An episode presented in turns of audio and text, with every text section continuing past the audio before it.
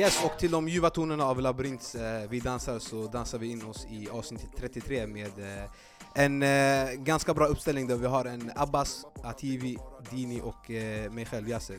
Abbas, vad händer? Vad händer bror? Det det? Det var lite länge sedan. Ja det var jättelänge sedan, har fått lite mikrofonsfeber om det Finns det något ord för det? Jag vet inte Ja, men du kanske Det var har länge sedan du har man, uppfunnit det ordet nu i alla fall. Ja, nej, det men det var bra. länge sedan man var nära micken så jag är glad att vara tillbaka och är jävligt eh, het i munnen om Paus, paus på den. Ativi, vad händer bror? Ja, det är bara bra. Härliga tider, ljusa tider. Ljusa tider. Ja, mycket positivitet. Det är bra min broder. Det är Du ser, du ser rösten inte ens uppvärmd. Ja, Det var så det. länge sedan vi spelade in. Ja, då är det dags att värma upp oss kanske. Det Mm. har ju varit lite uppehåll med landslag och, eh, och så vidare, så vi har inte spelat in så mycket sen eh, 29 augusti tror jag var sista avsnittet släpptes. Men en fråga, Mm. hur mår du? Jag mår bra, jag mår bra. Börjat med plugget igen och allting så det är mycket hektiskt. Men eh, du vet själv, vi prioriterar podden. Kattigt. Jag gillar Ja. det. All right. eh, vi har ju mycket att diskutera idag, så vi kan ju väl eh, hoppa rakt in i det. Eller vad tycker ni? Ja, vi kör på det. Misstag, mistakes, errors. Eller så att Pochettino-gubben förstår mig. Errores. Nyckelord som beskriver Tottenhams lunchmatch mot Liverpool i lördags, som slutade 2-1. Faktum är att Liverpool kunde ha vunnit matchen med så större siffror. Verkar som att Pochettino-gubben kommer undan för enkelt. Han hyllades inför säsongen att han inte behövde splasha cashen och lyckades behålla alla sina spelare. Men jag ska citera Jan Mölby, den danska kommentatorn. Om du icke vet... Nej jag skojar bara. Så här sa han. Om du inte vet vad Tottenhams svaghet är, kolla bara på deras byten. Alla tre användes till mittfältet. Men låt oss blicka åt den ljusa sidan av London. Den blåa sidan. Det andra laget som har full pott i ligan. Chelsea. Bara fyra tränare har vunnit sina fem första matcher i Premier League. Carlo Ancelotti, Pep Guardiola, Craig Shakespeare, ja, och nu Maurizio Sarri. Hazard stod för ett hattrick och ville nog visa folk här i studion varför han har 91 i Fifa. Enligt Sarri är Hazard bäst i Europa just nu och kan enkelt göra 30-35 mål om hans fokus ligger i den sista tredjedelen. Eld-emoji. Eld var det inte kring Asensio som det oftast brukar vara. Det var lite kyligt i Real Madrid där, han ba, där det bara blev 1-1 mot Atletico Bilbao. Men för de neutrala tittarna var det en riktigt härlig match. 90 minuter av snabb, intensiv, attackerande fotboll. Kyligt var det även i Metropolitano där Atletico Madrid kryssade mot Eibar 1-1. Betydligt varmare var det i San Sebastian i alla fall. Det började i samma mönster som för Madrid-lagen där det svagare laget tog ledningen. Men Barca kom tillbaka och gjorde 1-1 och 1-2 via Suarez och Dembele. Mats, my man, som stod för en kanonmatch som höll, bar- som höll kvar Barca i matchen. Mats kanske bör vara första keepern i Tyskland. Ni som inte hänger med i min förkortning står Mats för Mark Ander Ter Stegen. Känns som La Liga-säsongen 18-19 har redan rullat ut den blåröda mattan för Barcelona. Där alla deras utmanare inte lyckades vinna denna helg. Även Valencia, om vi nu, nu räknar dem som en utmanare, har fortfarande inte vunnit en enda match. Pannkaka. Skit i frukosten. Någon som är sugen på spaghetti? Det brukar Kevin Prince Boateng vara, som erkände att en av anledningarna för att han återvände till Italien var för maten. Pastan är så god att han en gång gick in till köket för att krama kocken. Men igår smakade det inte så bra när en viss portugis fick tillbaka receptet till att göra mål. Cristiano Ronaldo. Det tog han fyra matcher innan han gjorde sitt första mål för Real Madrid. Samma sak här. Det tog han fyra matcher, men gjorde två mål igår. I övrigt kryssade Milan mot Cagliari, Inter förlorade mot nykomlingarna Parma och Roma kryssade 2-2 mot Chievo. Chievo som nu har minus ett poäng. Kämpa Musi Volanti. Vi snackade om en blå-röd matta som rullades ut i Spanien. Rullas det ut en svartvit matta här i Italien då? Hmm. Något nytt i Frankrike förutom PSG som åker som tåget? Jo, saint Etienne. Ni vet det här gröna laget. De spelade mot PSG i fredags som fick stor stryk med 4-0. Men det var inte det jag ville säga. det som man kunde uppmärksamma i den matchen var att alla i saint Etienne spelade med namnet W.Gomis på ryggtavlan. För att hedra 19-åriga akademispelaren William Gomis som sköts till döds. Fint av Saint-Etiennerna. Jag vill ändå avsluta svepet utanför Europa. I Nordamerika. I USA. I MLZ. I Los Angeles. LA Galaxy. Där Zlatan Ibrahimovic satte sitt 500 karriärsmål när vi alla låg och sov. Och som han gjorde det, på ett sånt klassiskt Zlatan-vis. När jag säger så vet alla ungefär hur målet var. Jag hoppas att vi får se Ibra i Europa igen. Jag hoppas någon utav Milano-lagen paniklånar honom i vinter. Ja, eh, Zlatan eh, han fortsätter ju leverera i eh, MLS, men eh, frågan är ju hur mycket betyder det att leverera MLS? MLS? Vad tycker du Abbas? Alltså det betyder inte så mycket för eh, Zlatan antar jag Men eh, han gjorde sitt 500 mål där och eh, jag tycker att vi alla i avbytarbänken ska gratulera honom och Ja Liksom uppskatta det han har gjort för Sverige och för fotbollen helt enkelt Ja. Ativi? Ja, alltså det var jättefint mål. Som Dini sa, det är ett eh, Zlatan-vismål, spekulärt. Alltså det är någonting som eh, han har gjort i alla hans tidigare klubbar nästan. Typiskt klackmål.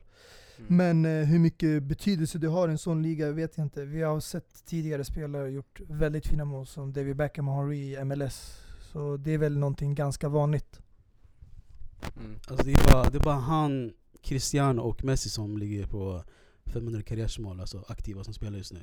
Och för mig, helt ärligt, eh, jag vet att vi har tidigare snackat om att se Zlatan tillbaka i Europa.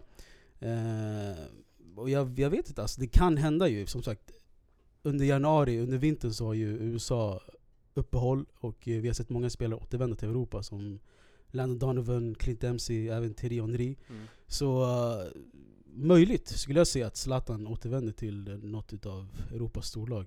Det var faktiskt min nästa fråga, för jag tänker Mm. att eh, Alltså jag tänker, han är ju ändå 37 år nu. Och i oktober blir han väl 38 till och med. Mm. Han har väl inte så, mycket år, alltså så många år kvar i, i toppen. Mm. Så det är väl bara kanske njuta nu man ändå har Vi kommer aldrig få en spelare som gör 500 mål igen, tror jag, en anfallare I Sverige. Nej det kommer vi absolut inte göra, absolut inte. Men jag tror faktiskt inte att han kommer eh, ha en återvändo till Europa. För eh, hade han haft den tanken skulle han gjort det eh, Innan han åkte USA eller? innan, Ja.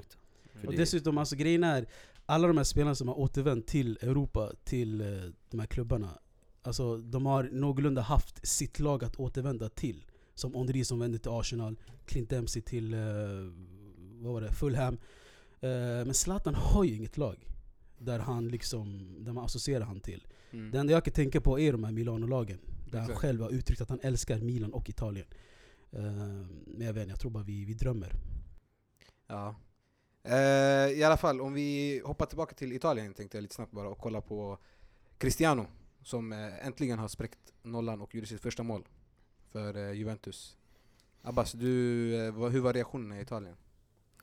Eh, alltså de var ju ja, ganska stora, eller alltså jag tror alla förväntade sig att han skulle göra mål eh, eh, så småningom och eh, det gjorde han också och det krävdes ett sånt jävla dåligt spel från eh, sassarna Alltså jag vet inte vad den där spelaren försökte göra, om han försökte nicka den ut eller om han försökte passa den till målvakten Jag vet inte, det kanske blev mittemellan och därför träffade den stolpen och Cristiano kunde bara peta in den så Det var det som krävdes för att han skulle liksom göra sitt första mål Mm. och sen kunde han även göra sitt andra mål vilket var fint och eh, Mm. Ja, det var ju det. Tror du att, eh, Dini, tror du att isen har lossnat nu för honom? För eh, jag läste en statistik att han hade, förra säsongen så hade han ju lika många matcher utan mål och lika många skott på mål innan han gjorde sitt första mål i Real Madrid. Precis Och eh, tror du att, liksom, eh, att det kommer att lossna nu och gå bättre för dem? Eller för honom? Alltså jag, jag säger som Cristiano sa efter målen. Han sa att eh, låt hatarna ta fram sina alltså sina miniräknare, för det är dags att räkna nu. Eh, så eh, det är dags att räkna på riktigt. Jag Ja. tror eh, de här två målen, alltså även han gjorde två mål igår, ligger redan före spelare som Gonzalo Higuain och, Mm. och Han spelade inte. Han som du försökte Nej men alltså jag menar, det, alltså, hans, båda. Ja.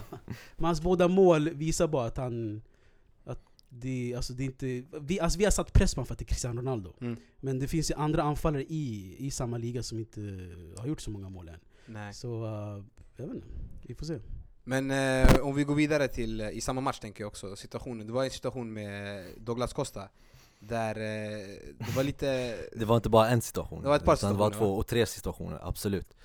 Eh, ja det är det med, alltså hela Italien om du läser nyheterna och ja, egentligen överallt, det är inte Cristianos mål som eh, var liksom, var, det man inte fick läsa liksom i, i tidningarna utan det var ju Douglas Costa, det är hans, liksom hans aktioner i den matchen och vad han gjorde med Di Francesco, spelaren i Sassuolo då Mm. Eh, för de som inte har sett det då, alltså han, han De hade ja, vissa liksom tacklingar i, i matchen och hade lite emellan sådär men Det var en sek- eh, sektion i, liksom sekvens i, andra halvlek var det Där han, eh, typ i slutet, där han eh, armbåga, först så tacklar han honom, eh, Di Francesco, och sen armbågar honom Vilket ska resultera i ett rött kort, men domaren såklart eh, såg inte det.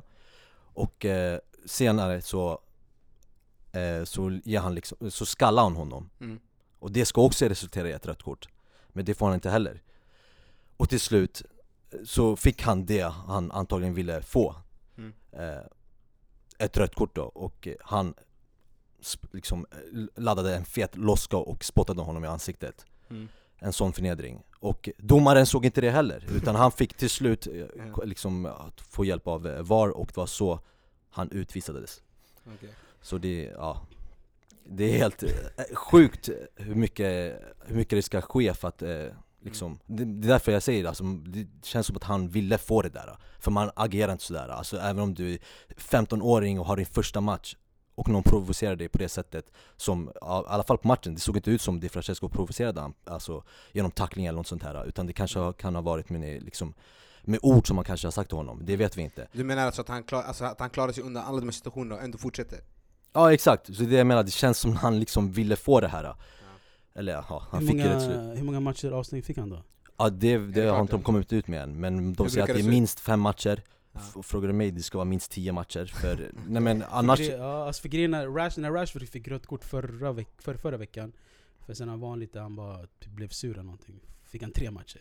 Mm, Så det här borde vara minst tio Exakt, minst. minst tio matcher och han, ja exakt Förutom det så kommer han ju självklart få böter från italienska förbundet och från Juventus, liksom Agnelli-familjen då där Mm. Så Alltså- kommer man böta honom fel Ja, alltså jag är för du vet att spela vissa känslor och att man kommer bort från den här robotiken som, som vi börjar eh, gå till Mm. Men att göra det på det här sättet, det, det är lite fult ändå. Som jag menar, lite du vet grövre tacklingar, lite att man skäller och är lite vild. Ja, jag, jag är för det alltså. det, det är exakt det jag menar, alltså även om han nu sa något, något fult eller något sånt där Alltså du fick ju det du ville genom att, ah, liksom, eh, ja vad var det han gjorde? Armbågade honom Mm. Mm. Alltså du fick ju det du ville nu och du kom undan Exakt. Men han fortsatte ju efter det och skallade honom, rakt fram, alltså precis framför domaren Men alltså alla de här situationerna som du pratade om innan Det var inga VAR, eh, kolla på dem eller? Nej det var det inte Det var inga reaktioner på dem? Det var För jag tänker alltså hur, alltså VAR-systemet i Italien, det är ändå, vad är det, tredje säsongen eller? Andra säsongen? eh, andra säsongen Andra säsongen. Mm. Hur, eh, hur använder de VAR? För i sådana här situationer ska man ju använda VAR Jag är ganska säker på Exakt, Ja. och det är det, det har ju kommit en ny regel inom VAR I alla fall den här säsongen i, är? I Italien då Jag tror det är för hela världen också, de som använder VAR Mm. Eh, Och den här eh, regeln gäller då så här att om domaren ser eh, situationen så Mm. behöver han inte dubbelkolla det och kolla liksom, ja, i, den där, i det där båset, man kollar alla Okej. klipp liksom eh, Om han redan har tagit beslut menar du? om, om, ja exakt, om han hade sett den och tagit sitt beslut att det där inte är något eller om det är Ja. någonting Då är det så helt enkelt, han behöver inte gå Gäller och mål, dubbelkolla gäller det mål också eller är det bara... Hur menar du nu med mål? Eller straff, förlåt, straffar och sånt där? Ja exakt, samma sak där, samma- straffar. Om han ser en situation, Ja. om han har liksom vinkeln dit och han ser situationen Ja. Så, och han, och han liksom gör ett beslut, då är det det beslutet som gäller liksom. Han behöver inte gå och kolla i båset alltså för att det- dubbelkolla liksom Är, det, är det för att spara tid eller för att man, han är ganska säker på Mm. sitt val att han inte behöver eh, det, det, och, använda sig av hjälp? Exakt, det är det. Och jag tror, för det första, varför den här regeln kom Mm. Det är under VM, för VM som alla vet, det var då de, de började med VAR då Mm. Och vad var det vi alla fick se i VM? Varje match Mycket... Så fort det blev någon situation där, Ja. där liksom, om det skulle vara straff eller om det skulle vara en frispark eller hur du kollar det där Mm. Alla sprang ju på domaren, Exakt. Mm. exakt Och jag tror, det här är bara min åsikt eller vad jag, alltså vad jag tror Det är på grund av att domaren vill inte Eller alltså man vill inte att det ska ta så mycket tid, man vill inte att spelarna ska springa fram till dem Och liksom, ja, kolla på, det, kolla på liksom VAR-båset och kolla vad, vad som hade skett Mm. Om han nu såg situationen, om han har riktningen så har han redan bestämt vad, vad grejen är Så då, alltså Jag förstår vad du menar, men jag tänker också på att, eh, alltså hur VAR används i Italien, för jag tänker på eh, bland annat Inter som eh, torskade i helgen nu. mm. Det var ju någon situation där också, eller hur? ja. Som man kanske borde kollat också. Ja exakt, det var en tydlig, alltså klar hands eh, som Di, eh, Di Marco gjorde, Ja. Inters eh, utlånade spelare, Ja. som även gjorde målet då Som även avslutade därefter. eh, Exakt, han, han skulle ju... Släkten är det, värst. Nej jag skojar, fortsätt. nej, han, han, han tog ju den liksom, det, det var ju hans helt enkelt Men domaren såg, eh, var i den riktningen att han liksom såg situationen Men han liksom gav ju inte någon, liksom, han gav ju ingen straff för att han tydligen såg situationen Mm. Och det är det jag försöker komma fram till, med den här nya regeln Det här öppnar ju till sig för, alltså det öppnar ju upp för fusk Om du frågar mig Alltså för att det blir mer, Mer det fusk. blir mer hur domaren tolkar istället för Exakt, att man mer kollar situationen. Tolkar med liksom de här Jag förstår. Det är, och det är det vi fick se helt enkelt i, i den här Juventus-matchen, i Inter-matchen, i flera, många liksom andra matcher Mm. Torino-matchen också Att det här är ju bara, det öppnar ju upp för fusk Domaren, om domaren har sett så, situationen och Även fast det är som i Parma-Inter-matchen Att det skulle, skulle vara straff, men Mm. inte ger det Mm. Va, Varför finns VAR, äh, VAR då? Mm. Förstår Alltså, du? jag, alltså jag håller med att VAR är här för att göra domsluten mer tydliga och att Mm. eh, det ska bli rätt i slutändan. Det, det är inte alltid så det blir. Eh, och eh, jag vet inte, för grejen är, jag kollade på Bayern München mot uh, Leverkusen i helgen. Och uh, grejen är, VAR-teamet, alltså domarna, de satt inte i samma, vad ska man säga, samma arena. Alltså, Mm. teamet var i Köln. Mm. Så jag vet, det kanske också påverkar att alltså själva domarna inte är i samma venue typ. Men eh, jag vet inte, alltså, vad, det är fortfarande i, i stadiet utav att utvecklas tror jag. Mm. Och att det kommer bli Fast det bättre känns och som att bättre. Italien har gått tillbaka i tiden lite alltså, när man gör så. Exakt! Eller är det, är det en VAR-regel som gäller bara i Italien? Eller liksom jag tror det, ska, det gäller eh, de, de som är- använder, ligorna som använder Ah, VAR okej. Och min eh, då, alltså, åsikt varför, hur de skulle göra, kunna göra det bättre För Ja. de gör ju det här på grund av att man inte vill att spelarna ska springa på dem och hålla på och klaga hela tiden Ja. Istället för att göra den här regeln, eh, att om domaren ser situationen så, så har han bestämt, liksom, gjort sitt beslut Mm. Istället för att göra den, eh, liksom, eh, eh, istället för att domaren ska göra- hålla på med det där Så kan du istället ge gult kort, ta fram gula korten, ta fram röda korten om någon spelare kommer och klagar Mm. Det här gör ju så att spelarna inte kommer komma fram och klaga, eller hur? Mm. Men istället så väljer de den här vägen som jag kallar fusk och Eh, det, väg, det, väg till fusk kanske, inte fusk. Nej, det är v- det är vägen som är fusk Det är fuskigt att hålla på sådär så som domaren gör Ja. Mustafa, vad, vad tycker du om... Eh, alltså jag tänker mer, för nu, La Liga har ju infört det den här säsongen, Premier League, eller, Serie A har ju infört det två säsonger. Är det dags för Premier League också? Att införa VAR? Alltså självklart, eh, jag tror alla ligor kommer behöva det för att, eh, eller inte alla men det finns ju vissa länder som har blivit utsatta för för mer misstag och det händer ibland för ofta. Mm. Men jag tror också den regeln som de har satt, den nya, det är för att man inte ska vara 100% beroende av teknologin. Mm. Det ska finnas lite mänskliga beslut. Att domaren ska få kunna ta egna beslut också.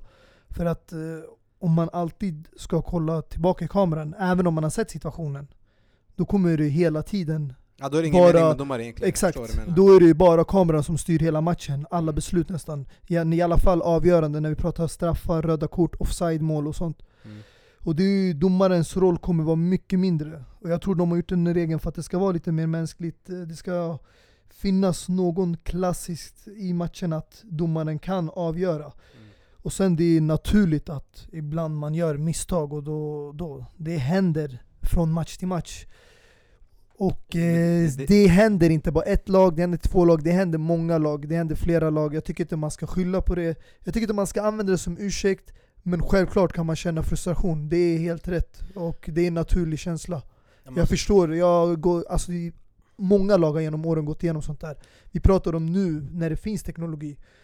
Så då kanske man blir mer upprörd eftersom det finns någonting att kolla bak på. Mm. Men om domarna ska alltid gå tillbaka och kolla, då är det som att det är inte domaren längre som väljer, utan det är spelarna som väljer. När de skriker, vilket de gör i 90% av fallen, Mm. så ska domaren lyssna på eh, spelarnas eh, ja, rop efter hjälp och gå och kolla repris och se om han har gjort rätt beslut eller inte, även om han såg situationen. Och det är därför jag säger att man ska ge gult kort eller rött kort till de som kommer och, äh, vet det, och klagar Istället för att eh, göra den här regeln, ja, om domaren ser situationen så, så, får han, gö- alltså, han kan han redan gjort sitt beslut, förstår du? Mm. Hellre att du ger gult kort och, koll, eller, eh, och liksom kollar i båset då För varför finns äh, VAR? Varför finns den? Jo, för att sådana här eh, liksom, eh, situationer inte ska uppstå Mm. Men om man Eller? har sett situationen och han VAR? inte vill gå tillbaka, Vadå? om man har sett situationen och han vill inte gå tillbaka när, men spelarna har en annan åsikt. Alltså nu, Det, jag, det handlar inte om åsikt, jag det är inga åsikter Antingen är det straff, eller så är det inte straff, jätteenkelt men, Och om domaren eh, gör ett beslut som är felaktigt Och VAR finns, varför finns VAR då? Förstår du vad jag menar? Ja men ibland finns det omdiskut, alltså, omdiskuterade situationer där folk har olika åsikter. Och domaren ser situationen, han känner att han behöver gå tillbaka och kolla på det. Han har sett situationen och han tycker inte det är straff. Och någon annan tycker det är straff. Jo, ja, Ska det- han ändå gå tillbaka, då lyssnar han på spelaren som skriker. det- Han ger ut ett gult kort, men då gör han fortfarande som spelaren vill. Och om vi kollar egentligen Mm. de senaste åren, man får inte längre klaga på domaren. Om man diskuterar med domare, om man sitter och tjafsar, det kommer ut kort hela tiden. I alla fall i England, jag har sett, och i Champions League förra året. Mm. Man hade inte den möjligheten att kunna pressa domaren för att ge dem de besluten som de är ute efter. Och då fick man ja, varningar. Det är jätteenkelt. VAR finns för att sådana här situationer inte ska uppstå. Och här, de, de har gjort statistik för den här förra året, när den infördes, eh, liksom eh, VAR, och statistiken var oerhört, liksom, alltså på sådana här situationer inte ska uppstå. Alltså till exempel så här röda kort och, och felaktiga beslut. Statistiken var mycket, mycket, mycket bättre än eh, innan VAR liksom uppstod. Mm. Och nu med den här nya regeln så kan jag ju säga att det kommer ju hamna mycket lägre än vad den var liksom för, förra året. Mm. Alltså grejen är, jag, alltså grejen, de, de försöker hela tiden minska på det här äh, som Mustafa säger, att man inte ska diskutera med domaren så att man ska sluta omringa domaren. Uh, nu alltså, I Premier League så vill domaren bara prata med lagkaptenen till exempel, bara för att undvika alla tjafset och så. Men jag tror det, det kommer ifrån att man själv måste någorlunda tro på att domaren inte är korrupt. För varje diskussion, när, när det kommer till sådana diskussioner eh, så, så klagar man alltid på att det här laget får mer fördel, den här domaren är korrupt, det här händer och det här händer. Så det känns som att den här diskussionen är på väg ditåt lite. Eh, alltså, jag vet inte, alltså, självklart så finns det domare som inte är helt rena, absolut. Men jag tror i, i, i grund och botten så det, de är mänskliga. Så jag tror det är det man får acceptera. Ja, alltså jag vill bara tillägga att i slutändan, jag tror inte det största problemet är VAR. Eh, I alla fall om jag talar för till exempel Premier League, jag tycker det är kvaliteten i domarna som har sjunkit. Alltså VAR, oavsett om det finns där eller inte, eh, det är domarna som gör de avgörande besluten och det är där ah, det problemet ligger. Kvaliteten hos domaren är inte detsamma som det var för 10-20 år sedan. Eh, jag vet inte om det beror på utbildningarna eller om det är korrupta. Vissa ligor, till exempel som Serie A, de har ju haft Calciopoli och sånt där, alltså där är det en annan historia. Men eh, i de andra ligorna, det har eh, blivit sämre och det beror på domarteamen. Det har inte med teknologin. Det är inte där det största ansvaret ligger, skulle jag säga. Tack, jag, jag skriver under för det där. De la Champions League De la Champions, Champions League Om ni vill vi gör krig, om ni vill vi gör krig De la Champions League De la Champions League Vi är välkomna tillbaka till Champions League för eh, säsongen 2018-19 och eh, jag tänkte köra, vi kan ju säga alla som är med i Champions League, ta upp en hand. Ja! Jag skojar bara Mustafa. Ja, torsdagar är Alla, alla som ligger i toppen av ligan kan ju räcka upp en hand. Ja det kan ju alla göra. ja, den har vi också, eller hur? Ja, Jag ska också räcka upp handen. Ja, jag kan också räcka upp handen. Men skitsamma i alla fall, jag skojar bara. Eh, vi är tillbaka med Champions League och vi Ja, har mannen! ju eh, ett Inter som inte har varit med på några år och vi har... Eh, Vi välkomnar, vi välkomnar dem tillbaka, så sagt. ja, och ni har hamnat direkt i dödens grupp måste jag säga. Jag ska, så säga, här, ska, säga, Inter- ska jag jag älskar med Champions League alltså. Mm. Det, det, det, det finns inte rum för ah nej, eh, tränaren måste komma igång med sitt lag, det, det är lugnt i 38 matcher. Nej! Det är vinna eller försvinna. Vinn nu eller Mm. tagga. Förstår du? Ah. God. Det, det finns inte rum för uh, abo, eh, det här och det här, skadespel. Nej! Det, det, du har tre andra lag i din grupp, sen är det borta och hemmamatcher. Det, det är dags att vara på topp, förstår du? Helt rätt! Helt rätt. eh, Jag, jag älskar den här turneringen på riktigt. Ja. Och så kan vi konstatera som vanligt att eh, Real Madrid får en eh, jätteenkel grupp, fast de hamnar i andra potten. Det är helt otroligt. Men i alla fall, eh, om vi går vidare från det. Vad eh, tycker ni om eh, grupperna? Vilka, finns det någon som ni ser som dödens grupp? Någon som är eh, roligaste gruppen kanske? Och så vidare. Alltså ja, för mig så är det ju bara grupp B och grupp C som är liksom de dödarnas grupp. Eh, eh, De som inte vet, i grupp B så är det Barcelona, Inter, Tottenham och Eindhoven, PSV Eindhoven. Mm. Och i grupp C så är det Napoli, PSG, Liverpool och Zrvene Zvezda, vilket är Röda Stjärnan. Så det här är ju topplag som har hamnat i samma grupp och eh, ja, Alltså jag skulle ju säga faktiskt grupp H är också en väldigt bra grupp som består av eh, United, Juventus, Valencia och sen har vi Young, Young Boys som ibland kan ju skrälla lite då och då. Eh, Valencia är ju ett eh, ja, gammalt Champions League tillbaka också. Välkomna dem tillbaka.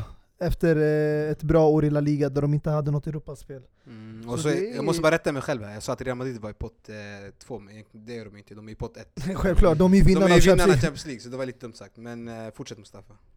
Nej, alltså det är bra grupper, men eh, jag tycker det är ganska självklart här vilka lag som kommer gå vidare.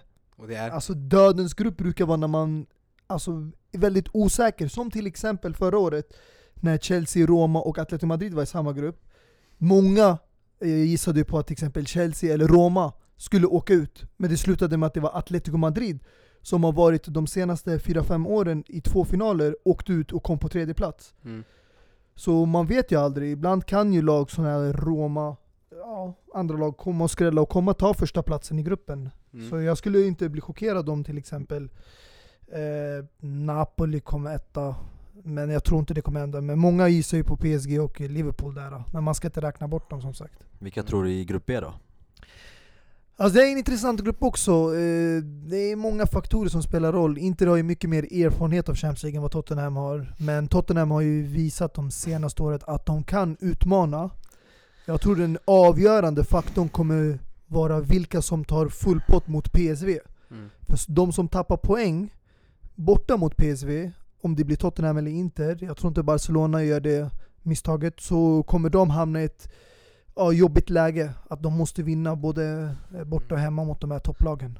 Nu tycker jag att du är jätte, jättesnäll för jag tror inte du skulle säga det där Du ser ju att Inter har, eh, alltså mycket, har historien med sig Men det är ju inte historien som spelar utan det är spelarna som spelar Och spelarna har aldrig spelat i Champions League Möjligtvis Miranda då, men annars har ingen spelat i Champions League Första matchen nu, på tisdag. Alltså jag ska, jag ska förklara lite enkelt varför historia och erfarenhet har så stor roll. Bara ta förra året till exempel. Roma som klubb har mycket mer erfarenhet av Champions League än Napoli. Och Roma tog sig hela vägen till semifinal. Napoli, som gjorde ett dunderår i Serie A och plockade hela 90 poäng och kom andra plats. Var hamnar de i Champions League? Kan du besvara den frågan? Du vet, och vi har Va- haft va- de här avsnitten de? innan Ja också just det, de kom, kom de tredje eller fjärde plats? Vi har haft de här avsnitten innan också, det jag har sagt och du vet det själv Att också de Att inte de satsade, men- inte satsade så det. Men det, alltså fortfarande, det var fortfarande de spelarna som är Serie Serie A spela Och vi alla vet vilka spelare Napoli består av. Det är samma sak att säga Liverpool eller kanske United Vart hamnar United och vart hamnar Liverpool? Mm. Eller hur? De Jo, jo i final men i de- Champions League har de så mycket erfarenhet att där kommer Jag vet de. vad du vill komma fram till, men jag tror du är Säkert. ganska snäll Jag tror, jag, jag tror Vad att tror du? du? tror Mm. att Tottenham kommer gå vidare Tillsammans med Barcelona, det är vad jag tror Alltså, om, Det skulle inte vara jag, en omöjlighet egentligen. alltså om jag ska vara helt ärlig, Nej. i förhand skulle jag säga så. Ja. Men just nu, så som Tottenhams form ser ut, de har en svacka där de har åkt på två förluster. Det här är drömläge för Inter att möta dem på hemmaplan. Att kunna ta tre poäng. Ja, Bara för att avsluta det här, jag, tot, eh, alltså, om vi pratar om kris så är Inter mycket, mycket större kris än vad Tottenham är För Tottenham har ju trots allt förlorat mot, vilka var det? Liverpool nu senast medan Inter har förlorat mot bottengäng Mm. Så, Men ja jag ska vara ärlig, man ska inte underskatta PSV heller alltså. Ja, Exakt, det, det, det är det jag vill också komma fram Så, till om, jag, om, jag, om jag ska vara ärlig, ja, jag tror på Barca och PSV. Oj, oj, Helt rätt! oj, du oj. Ska jag vara helt ärlig? Alltså, PSV som jag har haft erfarenhet av, vi har, vi har varit i samma grupp. Eh, De vann 7-0 i Mm. helgen och leder ligan med full pott. Så det är PSV, Var det, A-laget eller B-laget som spelade? Det var, det var A-laget. Det var bland annat Lozano som gjorde mål och Steven Bergvin. Mm. Så det är, det är topplag PSV. Det är det. Så det är inte bara tre lag i liksom, gruppen som fightas utan det är även faktiskt Det- fyra med PSV Samma sak i grupp C också, för Röda Stjärnan ska man inte heller eh, utesluta, helt ärligt Precis. Mm. Den, beröm, den berömda tunneln som många snackar om, att det är, det är många som inte kommer ut där levande. Men grejen är, grejen är eh, jag gillar den här eh, uppladdningen av Champions League det här året. Alltså. Bland annat Grupp A, där vi har många eh, jämnbördiga lag. Dortmund, Monaco och Atletico Madrid. Så det blir kämpa i den gruppen. Mm. Sen har vi ju också, jag tänker på den sista gruppen, grupp H. Juventus, Manchester United, Valencia och Young Boys. Mm. Vad tror du om den gruppen Dini? Speciellt för dig tänker jag. Alltså ja, det är mycket fokus att eh, Ronaldo Cristiano. återvänder till Mm. United. Man gjorde det tidigare när vi hade David Moyes. Mm. Eh, där vi spelade skitbra. Där till och med Mourinho när han coachade Real Madrid sa att det bättre laget förlorade, som var vi alltså. Men eh, det, det är en bra grupp. Och ehm, vi känner ju till Uniteds brister och så, så man ska absolut inte ta, ta ut en vinst i förhand. Mm. Eh, Så det blir en jobbig grupp. Valencia som har eh, inte vunnit en enda match i ligan, i La Liga. eh, Kan, som sagt, vi har, vi har tidigare snackat om skillnaden mellan Champions League och inhemska ligorna. och Så vem vet, Valencia kanske skiner här i Champions League. Så det är, man vet aldrig. Mm. Sen tänkte jag på grupp F också, där vi har Hoffenheim, Man City, Lyon och Shakhtar. Det känns ju ganska självklart att Man City kommer gå vidare. Men eh, tror ni att det här är året Man City eller och Guardiola kan eh, komma hela vägen? Ja, det är många som tippar på att det är Citys år som de vinner, men jag ska vara helt ärlig, det är ingen enkel grupp de har hamnat i. Eh, jag vet att eh, Julian Nagelsmann, eh, tränaren för Hoffenheim, det var mycket surr om honom för, några, för något år sedan och så. Han är en bra tränare med ett bra lag. Mm. Sam, Lyon också, med Memphis Depay och Nabil Fekir som stannade kvar i Lyon. Eh, City kommer vinna den här gruppen, absolut. Men jag tror inte de kommer göra det lika enkelt som vi tror. För jag tänker alltså, Abbas, om vi kollar vilka är huvudkonkurrenterna i år? För att Real Madrid är ju inte lika starka som de var förra året, med en ny tränare, tappat Cristiano och så vidare. Vilka skulle du säga är huvudkonkurrenterna till Champions Eller vilka är huvudmotståndarna? Champions League? Alltså nummer ett, och det är nummer ett vad jag tror, alltså de, det är bara nu igen också Ja. Det är ju Juventus I och Juventus. med värvningen med Cristiano Ronaldo Och de kommer ju bara satsa på Champions League Mm. Så det är de, tillsammans med Barcelona skulle jag nog säga för att Messi går ju ut och eh, uppmanar spelarna och fansen att eh, supporta laget för att i år ska vi vinna Champions League, var inte det han eh, gick ut och Ja, typ. Så. Grovt översatt. Exakt, så, så det är de, och tillsammans med PSG också Som har hållit, försökt liksom Du tror PSG har en chans alltså? Nej men de har ju har, hållit på, de har ju liksom erövrat Frankrike och vunnit liga Jo, efter liga hela säger det tiden egentligen? Så det är samma, de är i samma sitt som Juventus egentligen. De, Okej. har, de har liksom vunnit titlar efter titlar i, i liksom det in, inhemska. Men de vill ha den där jävla Champions League. Och eh, det är det, alltså Juventus, PSG kommer kriget till sig för den där titeln och tillsammans med Barcelona skulle jag säga. Ni tror inte att Bayern München som är ständigt alltid i topp där, ni tror inte heller det är ett alternativ?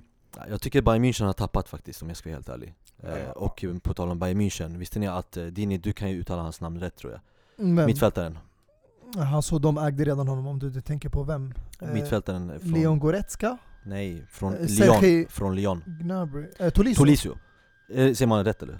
Eh, Tolisso, han, eh, de som inte vet han skadade i, i vad var det? Var det ljum, inte ljumsken eller någonting? Och knät eller någonting var det Så han kommer vara borta minst ett halvår eh, Ja, det var bara det jag ville säga, helt enkelt eh, Och han, jag tror, och, alltså, om jag tänker spelarna, alltså Robin är slut, Ribéry är slut, de har Lewandowski, Slut? okej Okej, oj. Ja.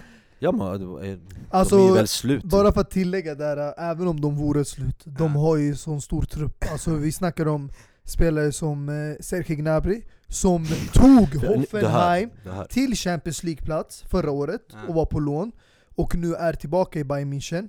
Så han var ju, eh, alltså jag skulle säga Hoffenheims bästa spelare förra året, och nu spelar han i Bayern München. De hämtar Schalkes ja, största talang, bästa spelare också. Mm.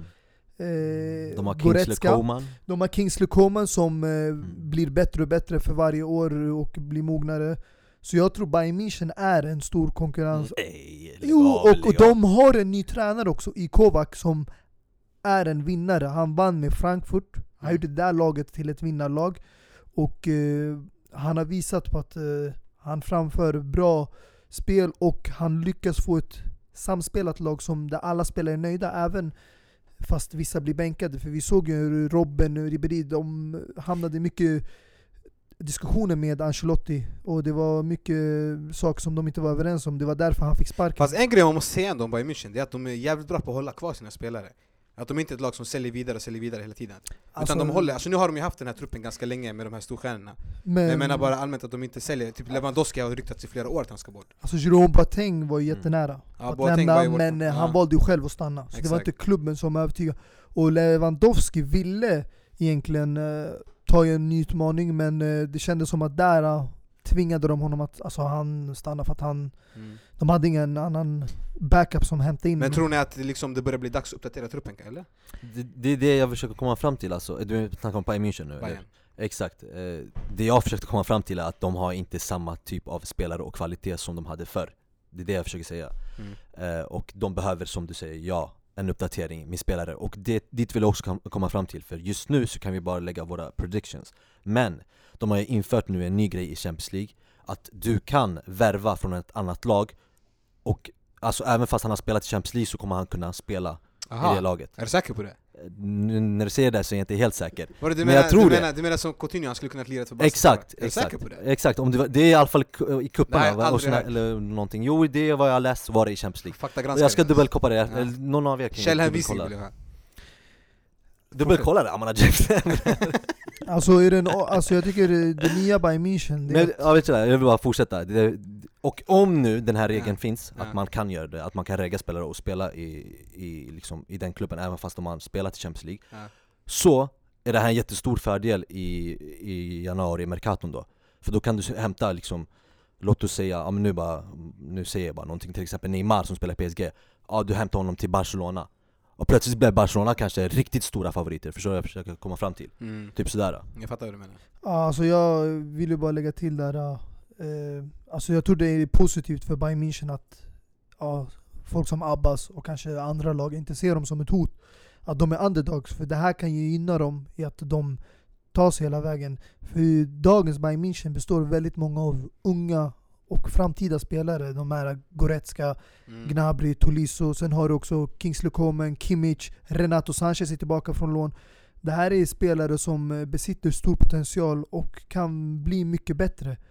Nu har inte jag så bra koll på den här nya tränaren, jag har inte följt honom så mycket men om han eh, nu är den här tränaren som satsar på unga spelare så kan det här visa sig bli riktigt bra för dem eh, det här året och framöver. Eh, Dini, vad tror du om eh, de trippla Champions League-vinnarna i rad, Real Madrid? Hur är deras chanser? Med tanke på deras trupp nu och tränare och så vidare. Ja, med tanke på att de har... eh, Alltså man har ju sagt att de inte kommer vinna år efter år, men de vinner fortfarande. Så jag menar liksom, hur mycket kan man räkna med dem i år? Ja, men den avgörande faktorn då, det var ju Cristiano Ronaldo. Eh, som äger Champions League, rent utav sagt. Eh, så jag tror eh, det här är året de inte vinner Champions League, Real Madrid. Absolut. Eh, de har lite svårigheter i ligan nu, kryssat mot Bilbao i helgen. Ehm, så absolut, det, jag tror på maktskifte i CL. Eh, Jag kan ju säga så här. jag har ju aldrig fel Och jag kommer fortsätta att inte ha fel Så ja. Det är nya reglerna du, Om en spelare har spelat i Champions League och han blir värvad und- och, Alltså han kommer kunna spela i två olika klubbar Under efter januari i fönstret? efter januari Ja, Även fast han har spelat i Champions League i den nya, eh, liksom, alltså, i det, sin nya klubb låter, det låter jättemärkligt. faktiskt. Det Att, att, att det bara slinkit förbi oss alla sådär också. Nej nej, inte bara det. Alltså, även om den här regeln nu stämmer, det låter jättemärkligt. För grejen är, jag, förut var det så att om en spelare har spelat i Champions League får han spela i Europa League. Och en spelare har spelat i Europa League får han spela i Champions League. mm. Men säg att, säg att du eh, gjorde så att ditt lag gick vidare och sen ska du möta ditt lag igen och sen... Förstår du? Det blir bara krångligt. Mm. Faktiskt. Mm. Eh, så jag vet inte, vi får väl se om, eh, om, om ens någon värvar någon i Champions League i januari som Mm. gör att de här problemen uppstår, men jag vet inte.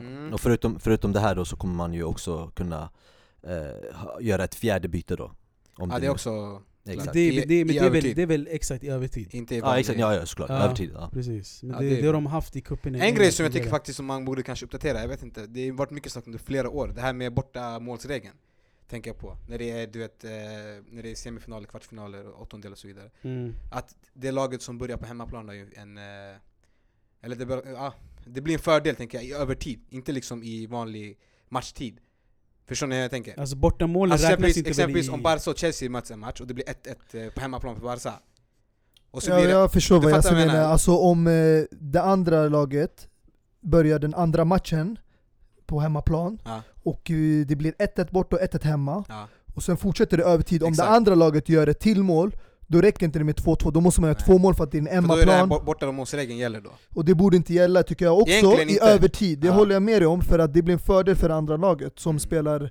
bortamatchen eh, i ja, den andra matchen då. Nu när man ändå håller på och kollar igenom alla gamla reg- regelverk, man kanske borde skaka av den här också alltså.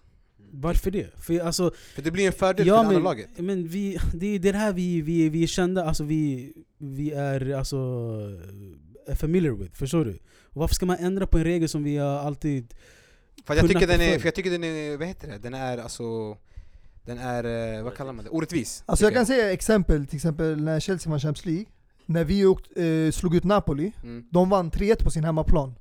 Sen vann Chelsea 3-1 på sin hemmaplan, och det blev övertid.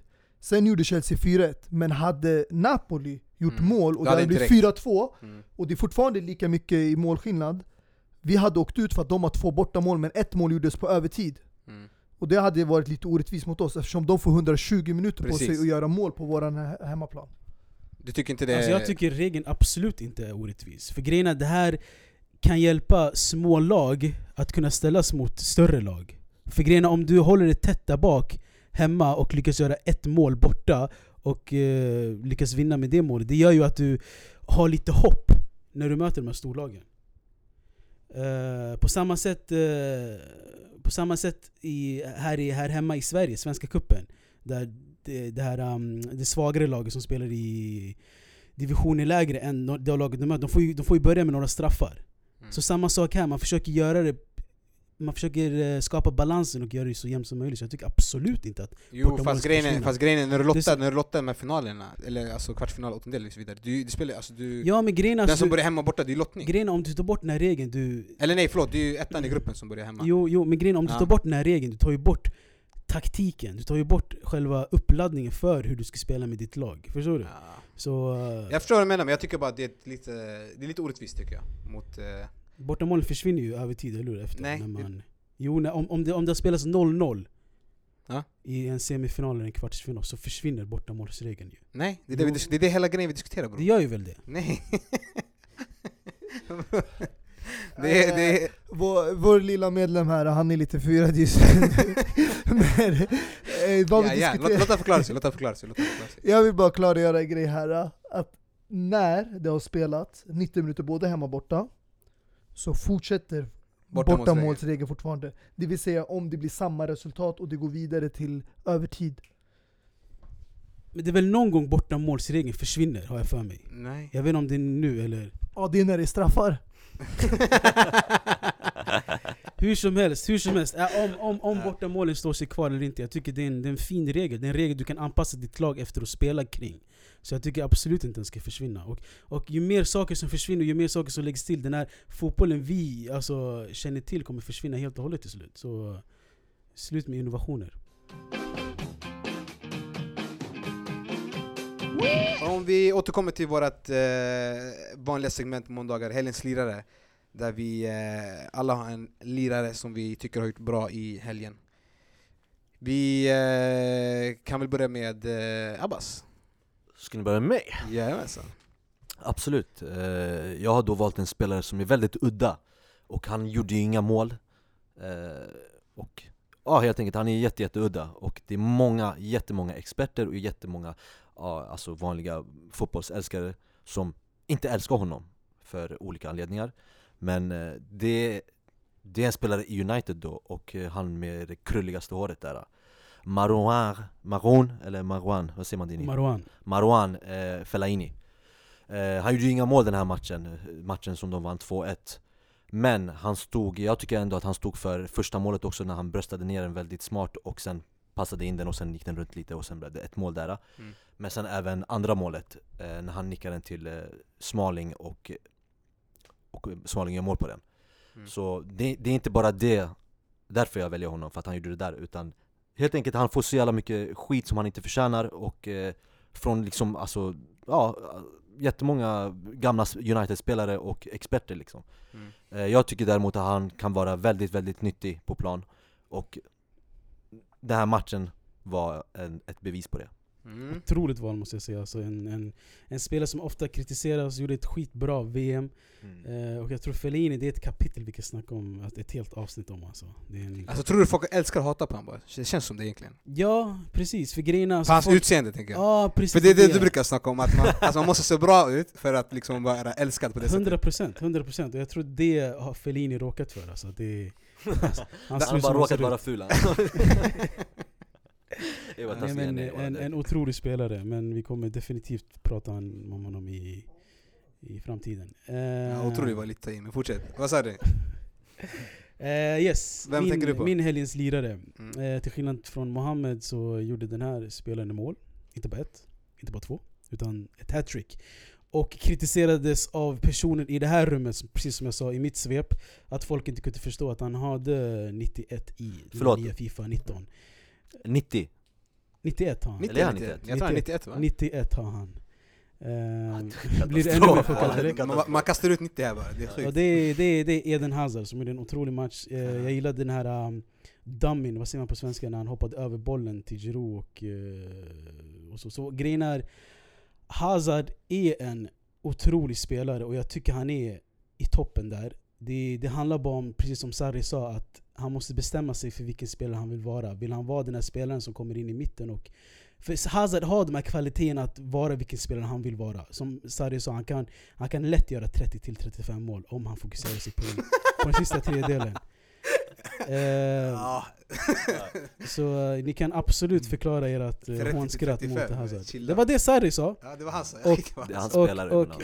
och eh, Sarri är en tränare som har koll på sina spelare, absolut. Kanske inte 30-35 mål sådär, men Hazard är en eh, otrolig spelare. Absolut, det är han. Men Abbas, vet du vad de säger va? 90 är det nya 80 i Fifa alltså. Ja. Alltså, jag hoppas att alla som lyssnar på det här äh, vet ju att de här som skrattar är Abbas Yasser, Ja. som har skämt ut sig idag. Oj. Som anser att Hazard inte ens är en världsklasspelare. Nej, som Han är har inte topp 5 i världen, men Absolut ändå blev han VMs andra bästa spelare efter Modric. Ja. Ja. Och det var ju bland eh, röstningen som utsåg av fotbollsexperter. Alltså, Inte folk som sitter i, här och diskuterar i podcasten. För att bara för att komma in där innan och bara byta. Jag vill inte göra en diskussion men eh, om, om han nu ska göra över 30-35 mål Ja. så krävs det att han gör eh, flera hattricks Och vad jag vet så var det här hans andra hattrick någonsin mm. Så. Mm. Ja, och vi kan ju bara notera att han har gjort fem mål på fem matcher. Det kan vi också notera. Jättebra. Men eh, jag ska Så inte är, ta... väl- så det är väl bara 30 kvar nu? Men Mustafa, om vi går vidare, vem har du som Alltså 30, när du, för- jag hoppas du förstår, när han säger 30-35, då menar han totalt. Jag fattar det. Inte bara i ligan. Ja. Ja. Jag förstod det. Hur ofta har Neymar... Ja ah, det är sant, han kommer ju flippa Europa League mannen! Ah. Men eh, jag, alltså... Han möter de här Lokomotiv, de här grabbarna Men Neymar är ju en världsklasspelare. Men gjorde han i Barcelona över 30 mål? det gjorde han inte Ja. Oj, Ja. men han blev ju en spelare som ska över Nej. 90. Nej men det är ingen som har sagt att han ska Oj, oj, oj. ingen som har sagt att han ska det Och vi ska eh, säga att ni vet bättre än Sarri som Ja. gjorde Mertens till en spelare som gjorde över 30 mål Ja. totalt i en säsong.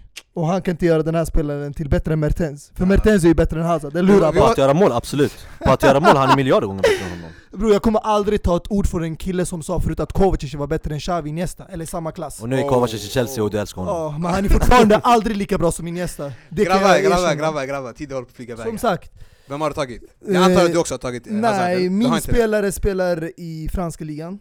Och han var också med i franska landslagstruppen men gjorde inte en enda matchminut. Oj. Han har gjort redan totalt fem mål i franska ligan och stod för två mål i helgen för Marseille. Min spelare är Florian Thaufin som är en otrolig spelare. Mycket bra, eh, hade ett dåligt år för förra året när han eh, kom till England och Newcastle. Eh, återvände till Frankrike och gör det riktigt bra nu. Mm. Många pratar ju om eh, Payet eftersom hans eh, return to Marseille var lite kontroversiell när han lämnade West Ham. Men det här är en spelare som man verkligen bör ha ögonen på. Mm, faktiskt, och eh, det är ju svårt att slå sig in kanske i det franska landslaget men han är väl på väg i alla fall Ja, jag tror han kommer ha mycket större chans i framtiden. Men det är ju många spelare där, Osman Dembele, Martial, eh, Mbappé. Det är många yttrar som man har att konkurrera med. Och sen har Kingsley Coman också. Så det är väldigt hård konkurrens där i franska landslaget. Vilket lyxproblem för Didier Deschamps. Men eh, om jag går vidare till min eh, helgens lirare så är det faktiskt i Italien där vi har en eh, spelare som sp- spelade i Roma förra säsongen, inte gjorde något märkvärdigt intryck och eh, blev såld därifrån till eh, Sampdoria. Och vi snackar självklart om Gregori Defrel som har gjort fyra mål på tre matcher. Och det har varit två mål de, eller fyra mål de två senaste matcherna då, så två mål, två mål. Och eh, det kommer bli intressant att följa honom och se hur han utvecklas i Sampdoria och eh, om han kan göra det bättre än han gjorde i Roma i alla fall. Så det är min helst lirare, men eh, om det inte är någon som har något mer att tillägga så kan vi börja runda av och eh, säga att vi är tillbaka nästa... När är vi tillbaka? Torsdag? Intressant. Torsdag, torsdag. Vi får se. Ja, vi låter dem hänga på en cliffhanger och när ni får en notis i mobilen så är vi tillbaka i alla fall. Så tack för oss och eh, vi avslutar väl där. Ja, Yes. vi hörs.